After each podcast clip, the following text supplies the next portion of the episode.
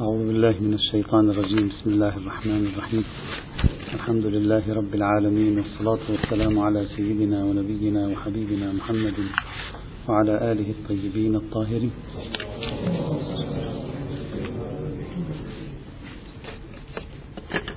انتهينا كنا نتكلم في بحث تخصيص العلة للحكم.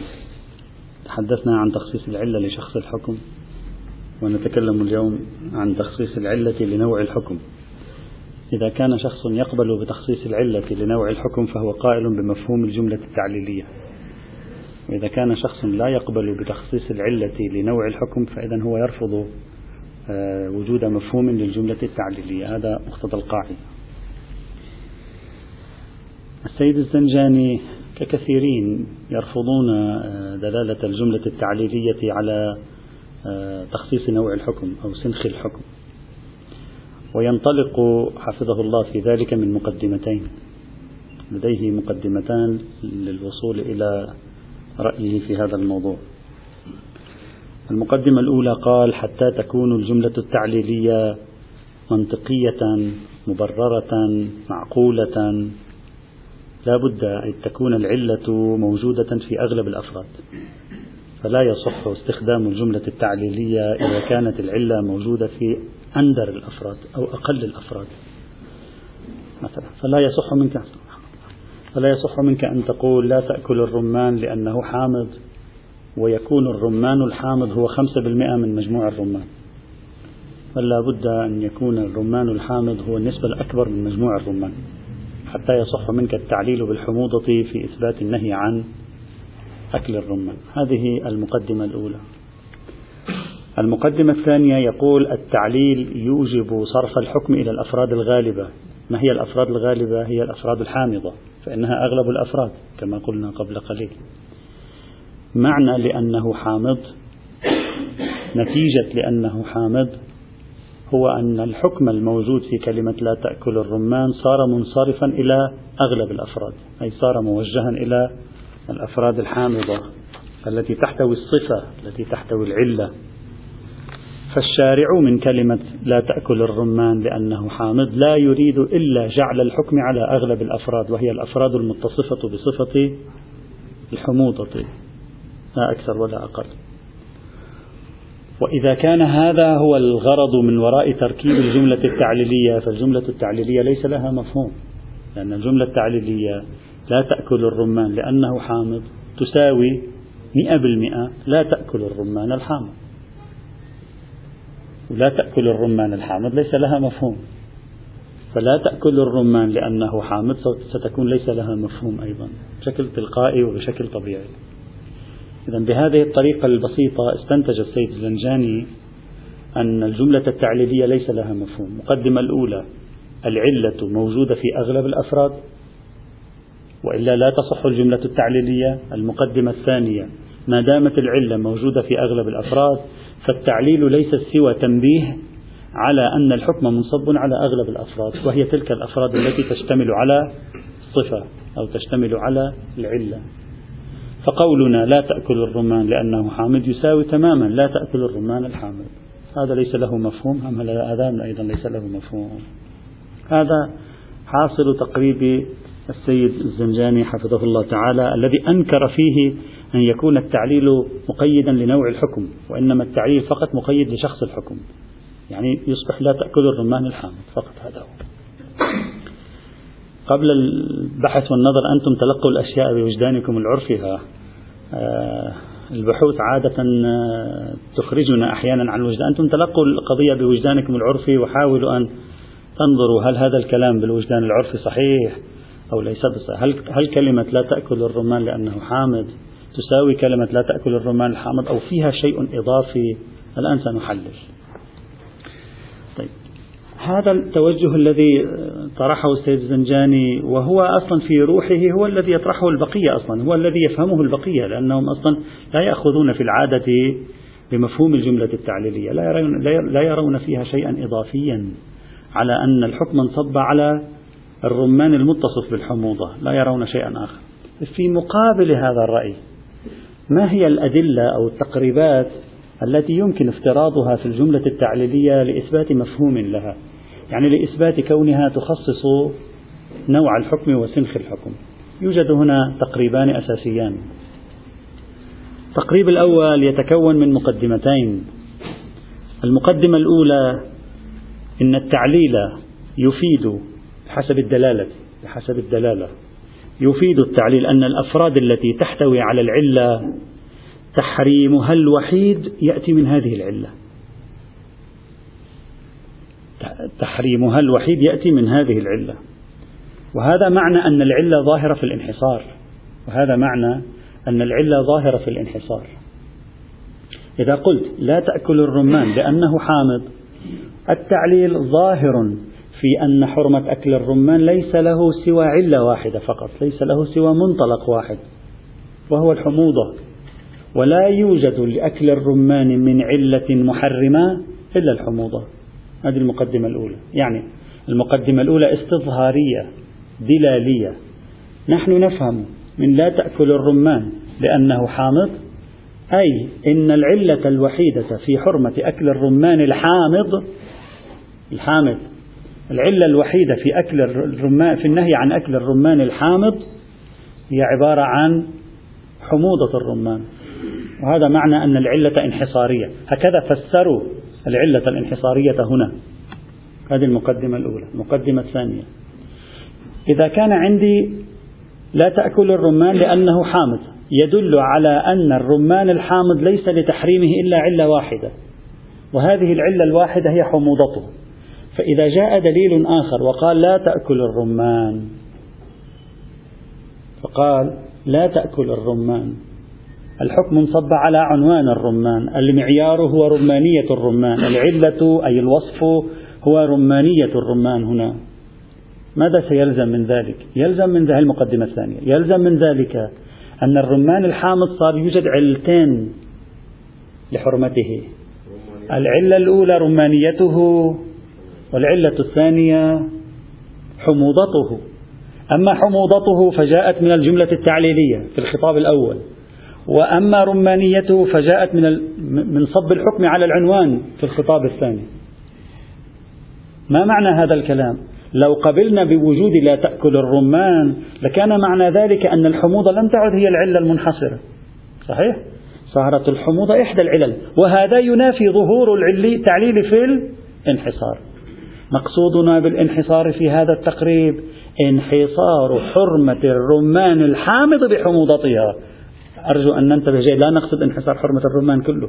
انحصار حرمة أكل الرمان الحامض بعلة حموضته. والرمان الحامض لا يحرم لا للونه ولا لرمانيته ولا لحجمه ولا لأي شيء آخر وإنما يحرم لحموضته. ركب المقدمتين. نثبت أنه لا يعقل أن يكون هناك خطاب ثان اسمه لا تأكل الرمان. فإذا لا يعقل وجود خطاب ثاني اسمه لا تأكل الرمان لأنه ينافي ظهور التعليل في الانحصار فهذا معناه أن ظهور التعليل في الانحصار قيد نوع الحكم ولم يقيد شخص الحكم.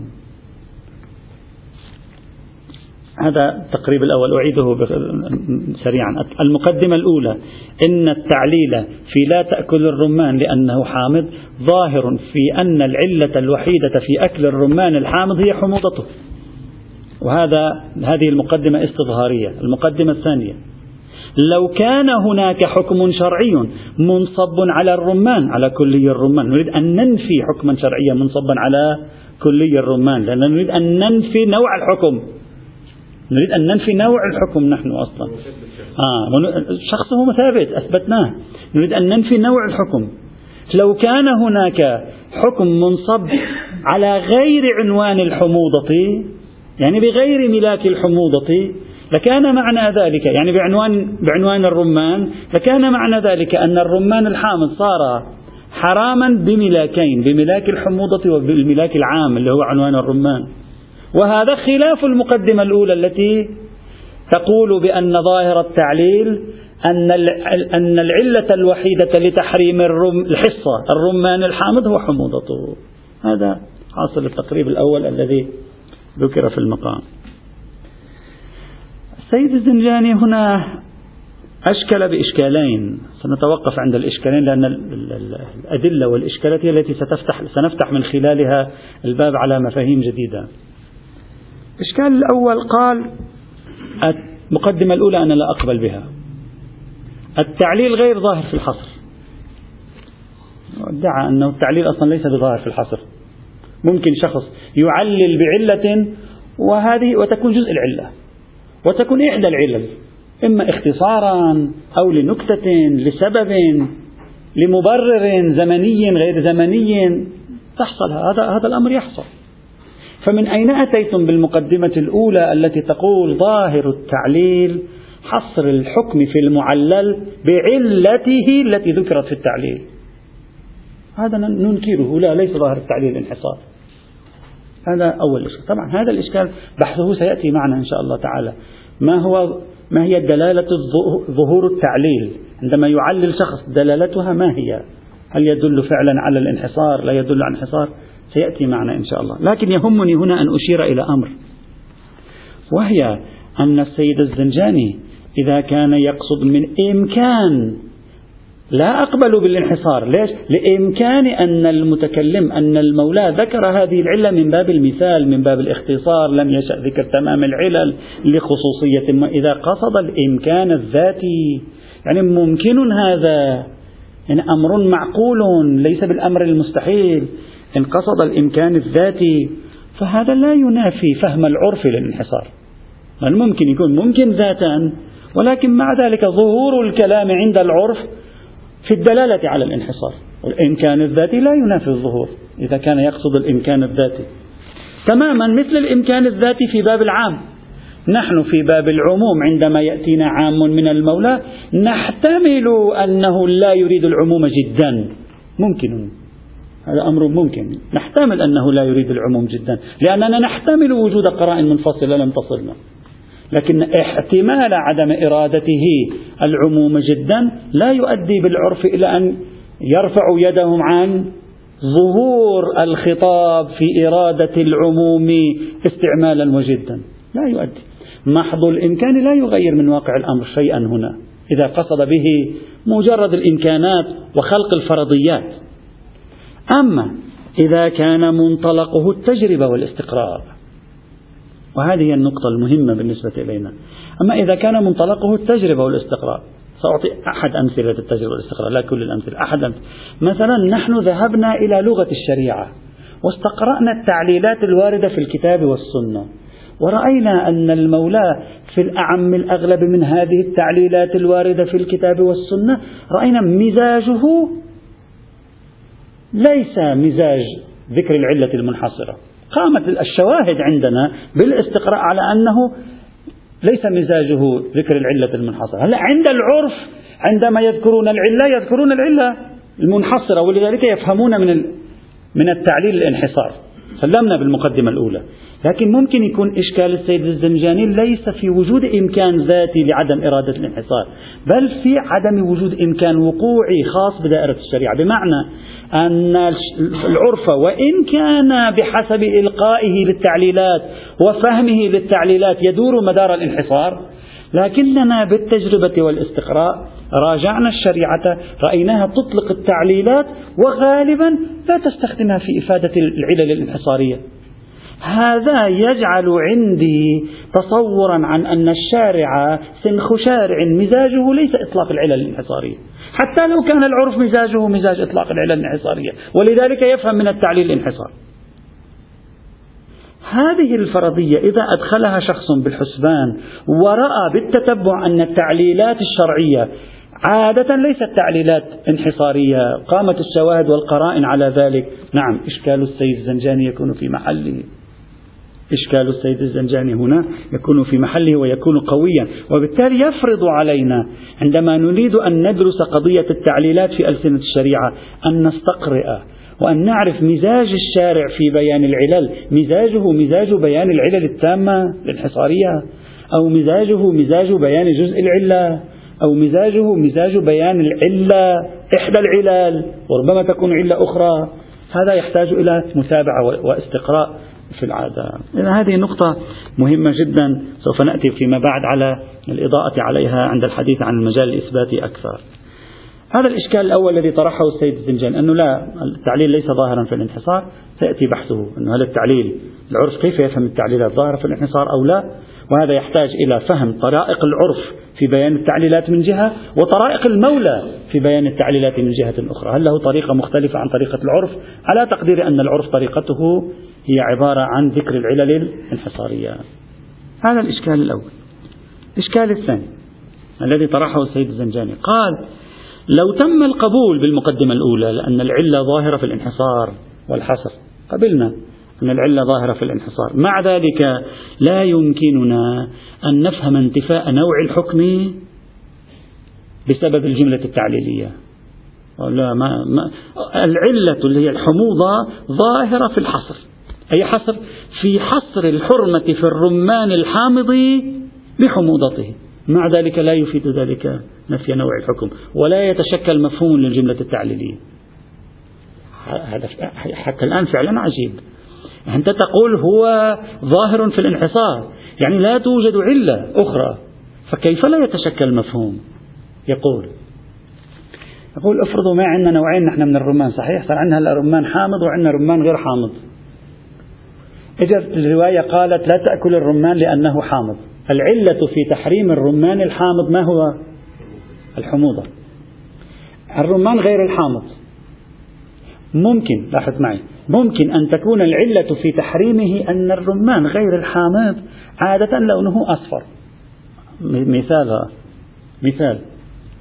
فتكون علة تحريم الرمان غير الحامض غير الحامض لا الحامض غير الحامض هو الإصفرار فيه. صار عندنا الرمان برمته. نوعين.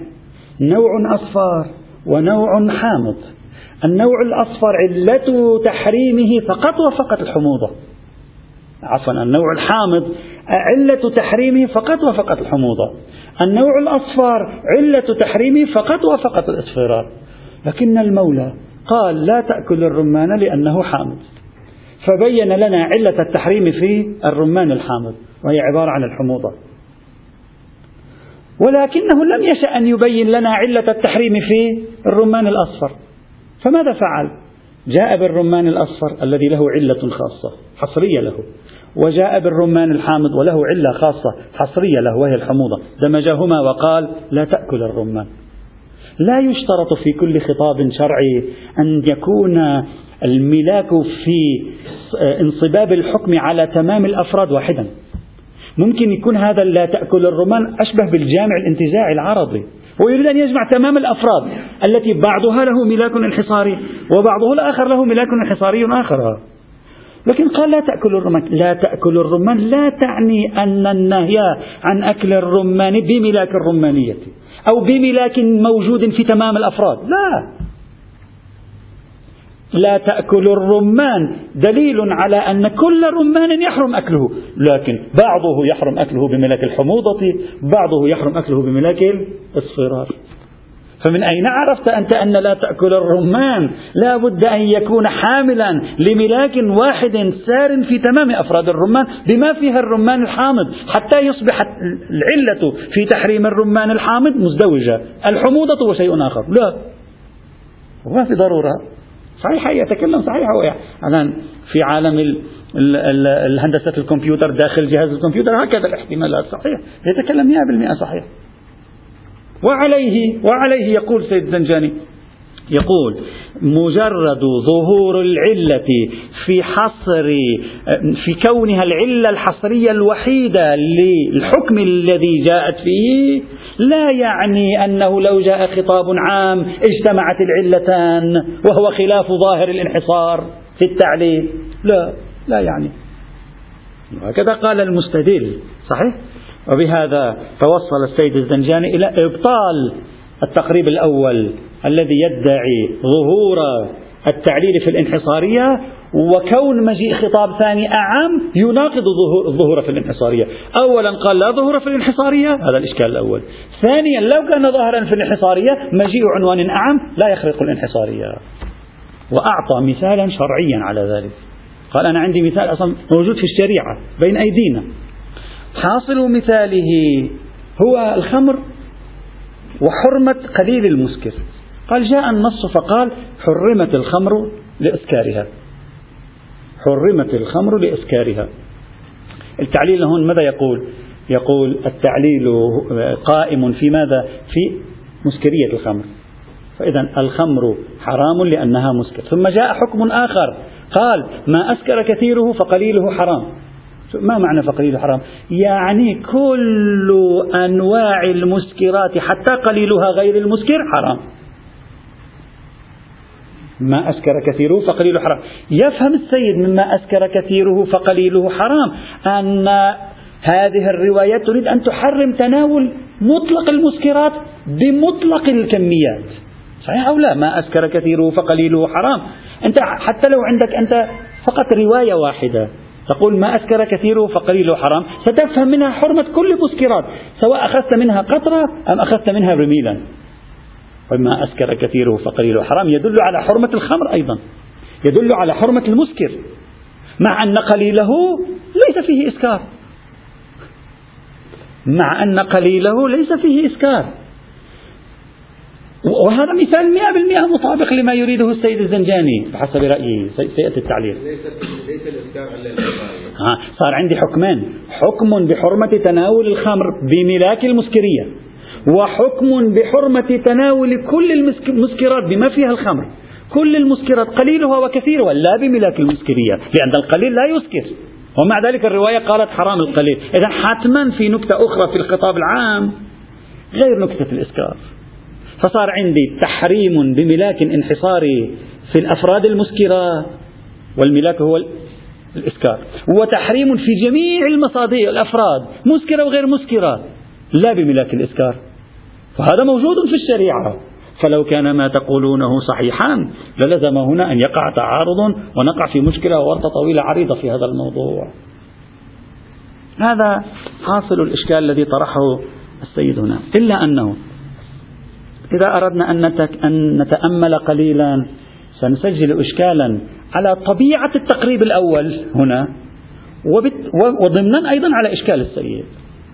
في التقريب الأول المثبت لمفهوم الجملة التعليلية وفي إشكال السيد هنا مفروضهم هذا هذا أن المراد بالانحصار انحصار علة حرمة أكل الرمان الحامض بحموضته.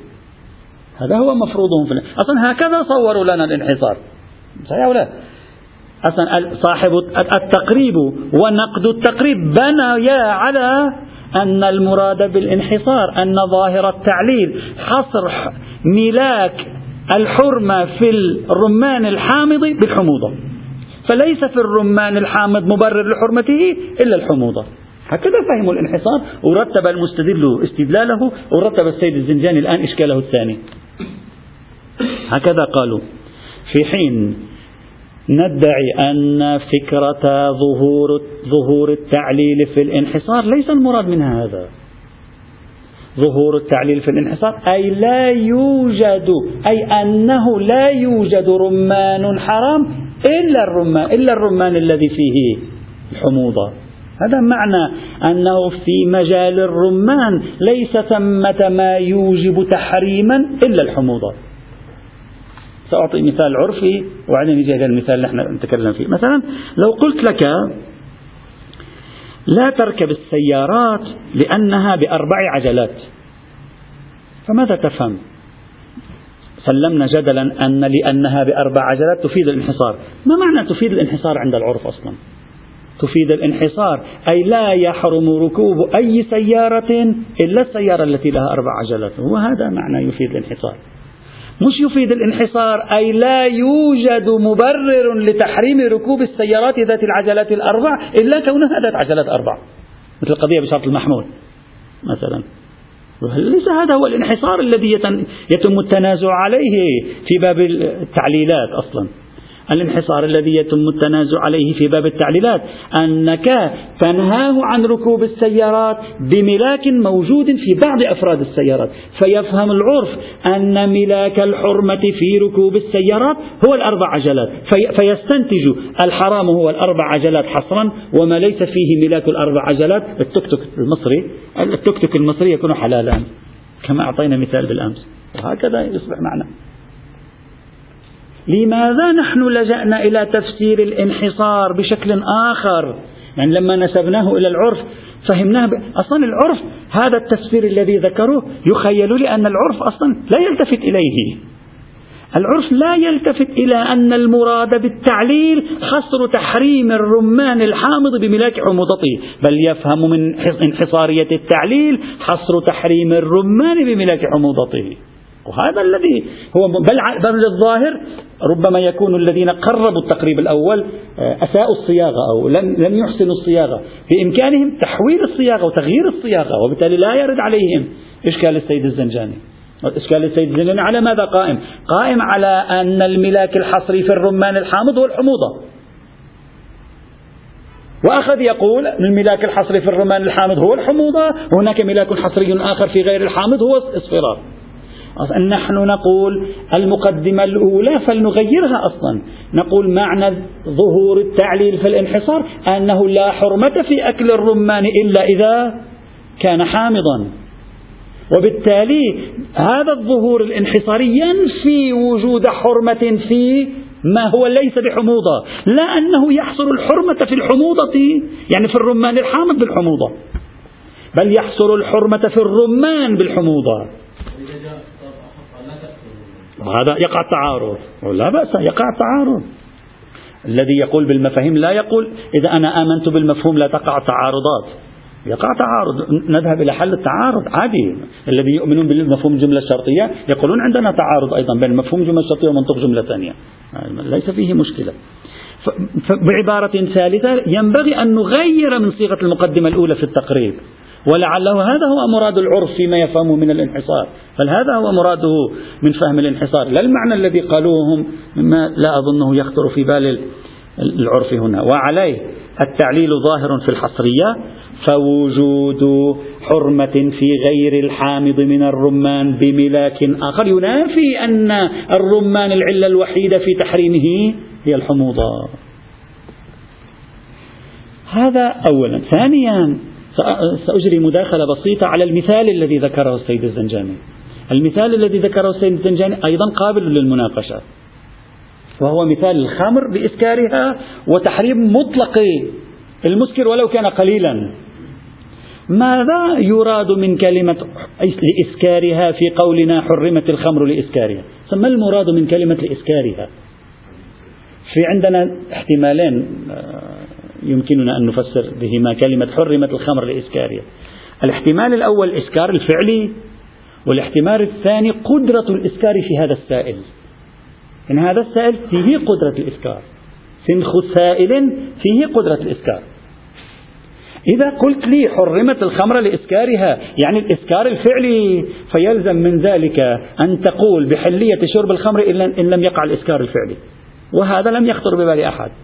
ولا يقولون بأن المراد حرمت الخمر لإسكارها يعني لحيثية الإسكار الفعلي فيها. الخمر أتكلم لا مطلق المسكر الذي فيه نقاش بين الأحناف وغيرهم. الخمر لم يناقش فيها حتى الأحناف. إذا كان المراد حرمت الخمر لإسكارها يعني الحكم بالتحريم دائر مدار حصول الإسكار الفعلي يعني حصول السكر الفعلي تحقق عملية الإسكار فعلا.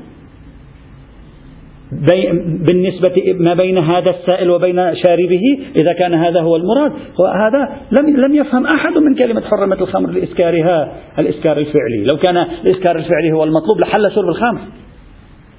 حتى لو لم تكن مسكر وهذا لم يلتزم أحد به. لذلك عندما قالوا حرمت الخمر الإسكارية فهموا من الإسكار قدرة المسكرية. يعني لديها قدرة أن تسكر. لا أنه بالفعل الحرمة مقيدة بفعلية الإسكار. يعني تحقق الفعلية بحسب الفاعل والمفعول الشارب والمشروب. لها قدرة الإسكار.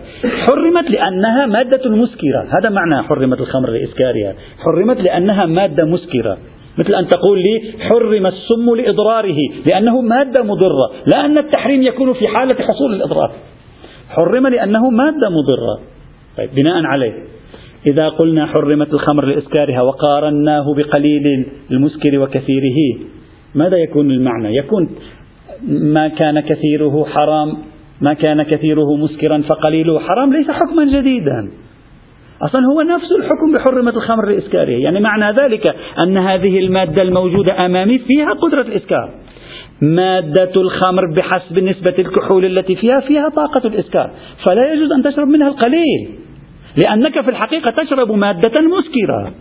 صحيح أن القليل لا يسكر لكن في نهاية المطاف نفس المادة يصدق عليها أنها مسكرة. بمعنى لها طاقة الإسكار. المادة لا الكمية. المادة نتكلم لا الكمية. وبالتالي لا يوجد تناقض هنا بين حرمة الخمر لإسكارها وبين قولنا ما أسكر كثيره فقليله حرام.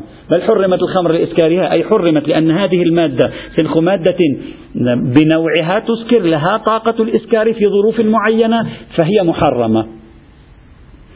فإذا كل مسكر قليله حرام. لأن المفروض أن من يشرب القليل هو يشرب مادة بطبيعتها مسكرة وإن كانت القلة لا تسكر فعلا والمعيارية ليس الإسكار الفعلي وإنما قدرة الإسكار يعني نسبة الكحولية الموجودة فيها. بخلاف الفقاع الذي هو لا يسكر إلا ب تأتي بدليل إضافي مثل حرمة الخمر لإسكارها بحثه في محله. إذا حتى المثال الذي ذكره يمكن أيضا المشاكسة فيه إذا أراد شخص أن يفسر الإسكار بقدرة الإسكار لا بفعلية الإسكار. هذا التقريب الأول في إثبات مفهوم الجملة التعليلية المركب من مقدمتين وقد تبين أن هذا التقريب بصياغته مرتبك ينبغي تعديله أصلا إذا أردت أن تثبت مفهوم الجملة التعليلية. والإشكالات التي سجلها السيد الزنجاني عليه بعضها أيضا تابعة لطبيعة الصياغة الركيكة التي في هذا التقريب وبالتالي لا ترد على الصياغة الأصل التي نفترضها. التقريب الثاني. المقدمة الثانية لا موضوع لها. يعني بالإشكال الذي قلنا لا موضوع على المقدمة لا ينبغي أن أن نفتح البحث بهذه يعني ورود البحث بهذه الطريقة خطأ. ورود البحث بأن العرف يفهم انحصار انحصار الحرمة أو علة الحرمة في الرمان الحامض بالحموضة. فليس هذا هو نظر الانحصارية في التعليل. نظر الانحصارية في التعليل انحصار حرمة أكل الرمان بالحموضة. المنتجة لخصوصية لعدم أكل الرمان إلا الحامض منه. التقريب الثاني. هذا التقريب الثاني مبني على ثبوت المفهوم في الجملة لا بالجملة. وهذا المسلك هو المسلك الذي يشتهر في الأوساط أنه مسلك السيد الخوئي اللي هو إثبات المفهوم بنحو السالبة الجزئية. طبعا هذا المسلك ليس للسيد الخوئي. إحنا تعبينا أن هذا مسلك السيد الخوئي وهو صاحب هذا المسلك. لكن بالمراجعة هذا المسلك يذهب إليه السيد البروجردي قبل السيد الخوئي السيد البروجردي طرح هذا المسلك أيضا في غير واحد في حاشية الكفاية طرحه في لمحات الأصول تقرير الإمام الخميني طرحه في نهاية الأصول تقرير الشيخ المنتظر أيضا طرحه. بل نسبه إلى المتقدمين. بل نسبه إلى المتقدمين قال المتقدمون هكذا يفهمون. نسبه حتى للسيد المرتضى في, في نهاية الأصول بتقرير الشيخ المنتظري أو في اللمحات بتقرير الإمام الخميني أصلا ينسبه للسيد المرتضى يقول هذا رأي قديم السيد الخوئي نحن نعرف السيد الخوئي صاحب هذه النظرية لكن لا بحسب المراجعة لا نستطيع أن نقول مبتكر هذه النظرية نظرية المفهوم بنحو السالبة الجزئية هو السيد الخوئي لا يوجد شيء آخر.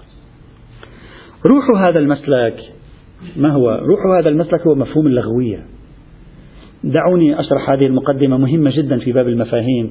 تستطيع أن تفهمنا شيء ضروري هنا. في باب المفاهيم كل مزاج المتأخرين المتأخرين عادة أن المفاهيم هي دلالات التزامية. يعني نوع من الدلالات الالتزامية. نوع من الدلالة لا إما تضامنية أو التزامية. فأنت عندما تبحث في المفاهيم ماذا تقول؟ هل الجملة دالة أو ليست بدالة؟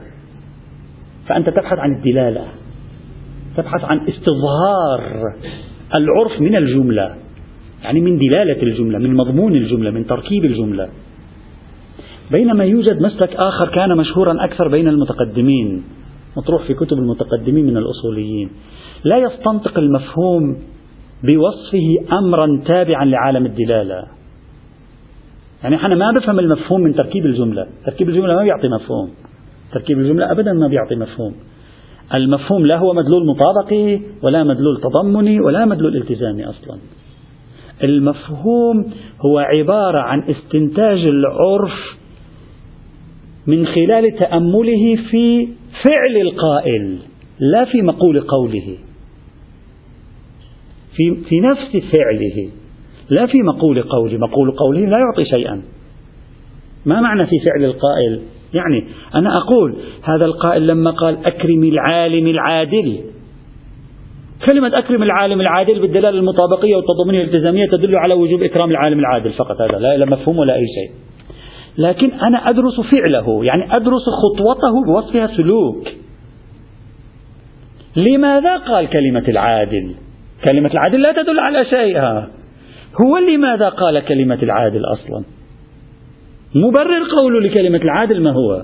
حيث إنه عاقل حيث إنه متكلم عاقل لا يعقل أن يأتي بكلمة على نحو اللغوية.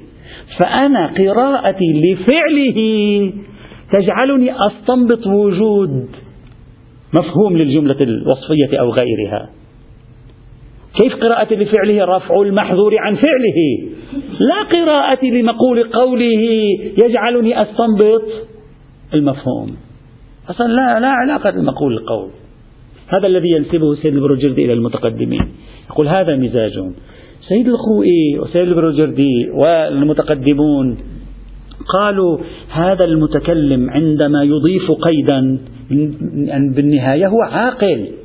نحن نسأل هذا العاقل الذي لا لغوية في كلامه لماذا أضاف هذا القيد؟ إذا كان كل العلماء يجب إكرامهم فلماذا قال العادل؟ العالم العادل. لماذا؟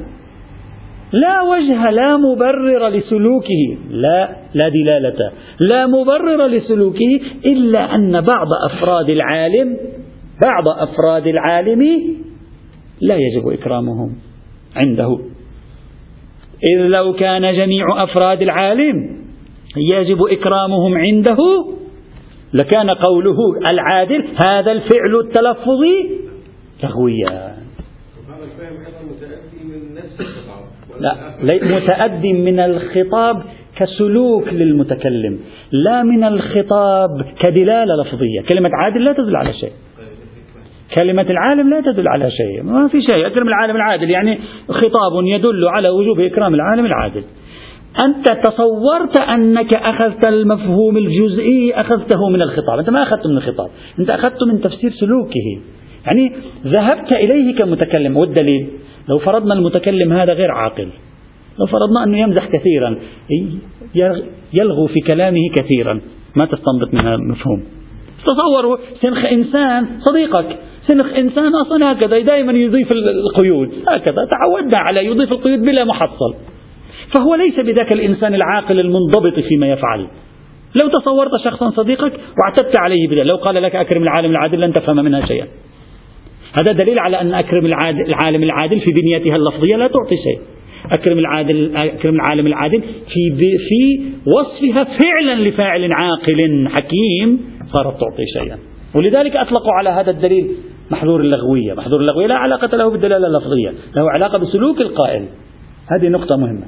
بناء على هذا بناء على محظور اللغوية إذا أنا إجا عندي أكرم العالم العادل وإجا عندي أكرم العالم الفاسق الهاشمي. لا يوجد تناقض. ما في تناقض لأنه لا لغوية. ممكن يكون هو مثلا قال كلمة أكرم العالم العادل ليخرج الفاسق غير الهاشمي. أما الفاسق الهاشمي هو ما عنده مشكلة يريده.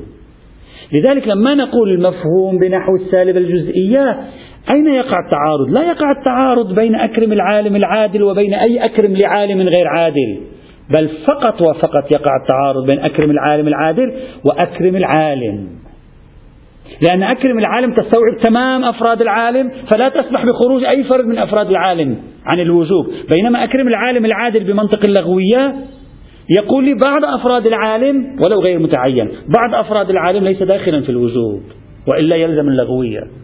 فلا لذلك هذا فرق جوهري ما بين مسلك الدلالة اللفظية في باب المفاهيم ومسلك القراءة العقلانية لسلوك الفاعل في باب المفاهيم.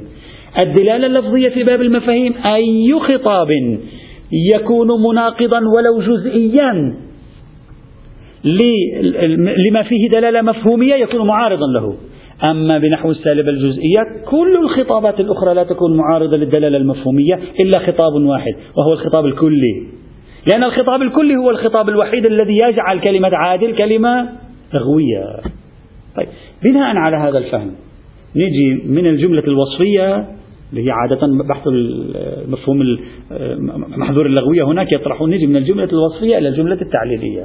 فنقول لو كان كل الرمان حرام أكله لو كان كل الرمان حرام أكله لكان قوله لأنه حامض لغو حموضة ليس لها خصوصية هنا فما لها فائدة. حموضة ليس لها خصوصية أن تدخل في بعين الاعتبار. لو كان كله كله لو كان حراما. وعليه فنقول التعليل ظاهر في أن بعض أفراد الرمان بعض أفراد الرمان اللي هي غير من غير من غير الحامض حلال ليس منهيا عنه. فنثبت المفهوم في الجملة للقضية التعليلية لا المفهوم بالجملة للقضية التعليلية. هذا هذا المسلك لا أقول هذا الدليل هذا المسلك في التعامل مع باب المفاهيم هذا المسلك في التعامل مع المفاهيم واجه مشكلة أساسية. أنت لما قلت اللغوية إذا أنت أنا كخصم لك أستطيع أن أبطل دليلك كلما استطعت أن أعثر على مبرر منطقي لقول القائل كلمة عادل أو لقول القائل كلمة لأنه حامض. كل مورد استطعت فيه أن أملك مبررا معقولا يرفع اللغوية لذكر القيد ولو لم يكن هناك مفهوم حتى بنحو السالب الجزئية في كل مورد يكون ذلك. خلاص دليلك يبطل. مثلا مثلا من جملة الموارد التي قالوها وقالها السيد الزنجاني هنا في إشكاله. الغلبة الغلبة. مثلا إذا كانت الصفة التي عللنا بها هي في موجودة في أغلب أفراد الشيء مثل الحموضة في الرمان. فلا مانع أن يذكرها الإنسان. يعني هذا التعليل تعليل بصفة غالبة. يقول السيد الزنجاني ليس فيه أي مشكلة. أي تعليل نحتاج إليه؟ لا بأس به. مبرر مرفوعة اللغوية في مثل هذا المجال. وعليه لا تأكل الرمان لأنه حامض. تعليل بأمر بصفة غالبة في أفراد الرمان والتعليل بصفة غالبة في الأفراد أمر معقول لا بأس به. مثل لا تأكل الرمان الحامض باعتبار أنه هو الدارج فقال لهم لا تأكل الرمان الحامض وهذا أمر عقلاني لا بأس به. لكن في حقيقة الأمر إخواني الأعزاء افتحوا ثغرة هنا. يجب أن نميز بالوجدان العرفي بين الجملة الوصفية والجملة التعليلية. السيد الزنجاني تعامل مع الجملة التعليلية بالضبط كما تعامل مع الجملة الوصفية. فقال يمكن للإنسان أن يضيف قيدا باعتبار أن القضية محل ابتلاء. أنا بعطيكم مثال. إذا اليوم مثلا في زماننا العالم بدأت توهين العلماء تسخر بالعلماء تنتقد العلماء انتقادا غير أخلاقي. الآن مثلا صارت ظاهرة وبدأ كل واحد يريد يسوي بطل فهو يهين العلماء يهين المراجع مثلا. هذا أحد أنواع البطولة في العالم الإسلامي. في عدة عناوين تعطيك بطولة اليوم في العالم الإسلامي. عندك عنوان الجنس إذا تحكي بصراحة فيه بتصير أنت أيقونة بتصير رمز. عندك عنوان آه، نقد الدين. أيضا إذا واحد انتقد الدين أيضا ممكن يتحول إلى رمز. مثل هذه العناوين. فنحن في هذا الظرف إجا المولى قال لا أكرم العالم. أكرم المؤمن العالم. هو هو يفرض وجوب إكرام المؤمن. لكن أضاف قيد العالم هنا لخصوصية زمنية. يريد أن يضيء عليه. لأنه في ابتلاء بموضوع إهانة العالم المؤمن. ما في ابتلاء بموضوع إهانة المؤمن غير العالم. هذا فيه موضوع ابتلائي فأضاء عليه لخصوصية. هذا يعطي معقولية. هذا في الأوصاف معقول. نجد في العادة مبررا معقولا لإضافة صفة مثل العالم على المؤمن مثل العادل على العالم. لكن في التعليلات الأمر ليس كذلك. التعليل ليس إضافة صفة لخصوصية موردية التعليل فوق إضافة صفة. التعليل عملية ربط ارتهان. العرف يفهمها ربطا وارتهانا للحكم بشيء. لا أنك مجرد تضيء على شيء. يعني أنا الآن بوجدانكم العرفي إخواني الأعزاء لاحظوا الفرق بين هاتين الجملتين. الجملة الأولى لا تأكل الرمان الحامض. الجملة الثانية لا تأكل الرمان لأنه حامض. ألا تشعرون بوجدانكم العرفي أن لا تأكل الرمان لأنه حامض ليس مجرد إضافة صفة؟ وإنما هي خصوص هي خصوصية ارتهان يريد بل هي خصوصية تبرير. يريد أن يقول لا تأكل الرمان والقصة من وراء أن يخبرك والقصة من وراء نهي لك عن أكل الرمان أن ثمة خصوصية في الرمان جعلت لي أنهاك. أما هذا هذا أمر لا نشعره في الجملة الوصفية. في الجملة الوصفية لا يقول لك المتكلم أكرم العالم العادل وهناك خصوصية في العدالة لأجلها أنا قلت لك أكرم العالم العادل. أصلا هذا لا تشعره في الجملة الوصفية بينما في الجمل التعليلية أنت تشعر به. قياس الجمل التعليلية على الجمل الوصفية قياس مع الفارق. في الجمل الوصفية مجرد صب الحكم على صفة وموصوف. في الجمل التعليلية صب الحكم على صفة وموصوف ثمة, ثمة إضافة يقدمها لك تقدمها لك الجملة التعليلية. إعطاء الحكم منصبا على وصف وبيان أن الحكم الذي انصب على هذا الوصف كان بنكتة هذا الوصف وكان لأجل هذا الوصف. وهذا هو ظاهر التعليل.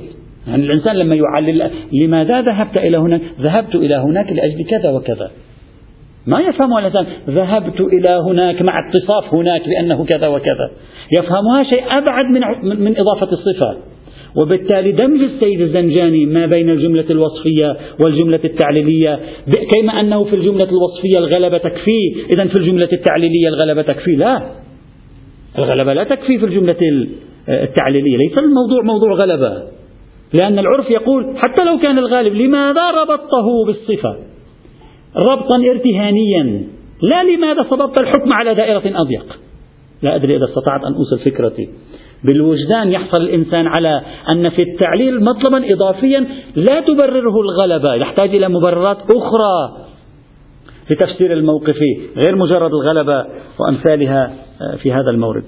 وعليه يبدو لي أن بناء الجملة بناء الجملة المفهومية يعني التخصيص من القضايا التعليلية مرتبط بعنصرين. العنصر الأول الفهم العرفي والعقلاء للجمل التعليلية في نظام اللغة. هل يفهمونها تدل على الارتهان ودوران الشيء مداره وجودا وعدما أو لا؟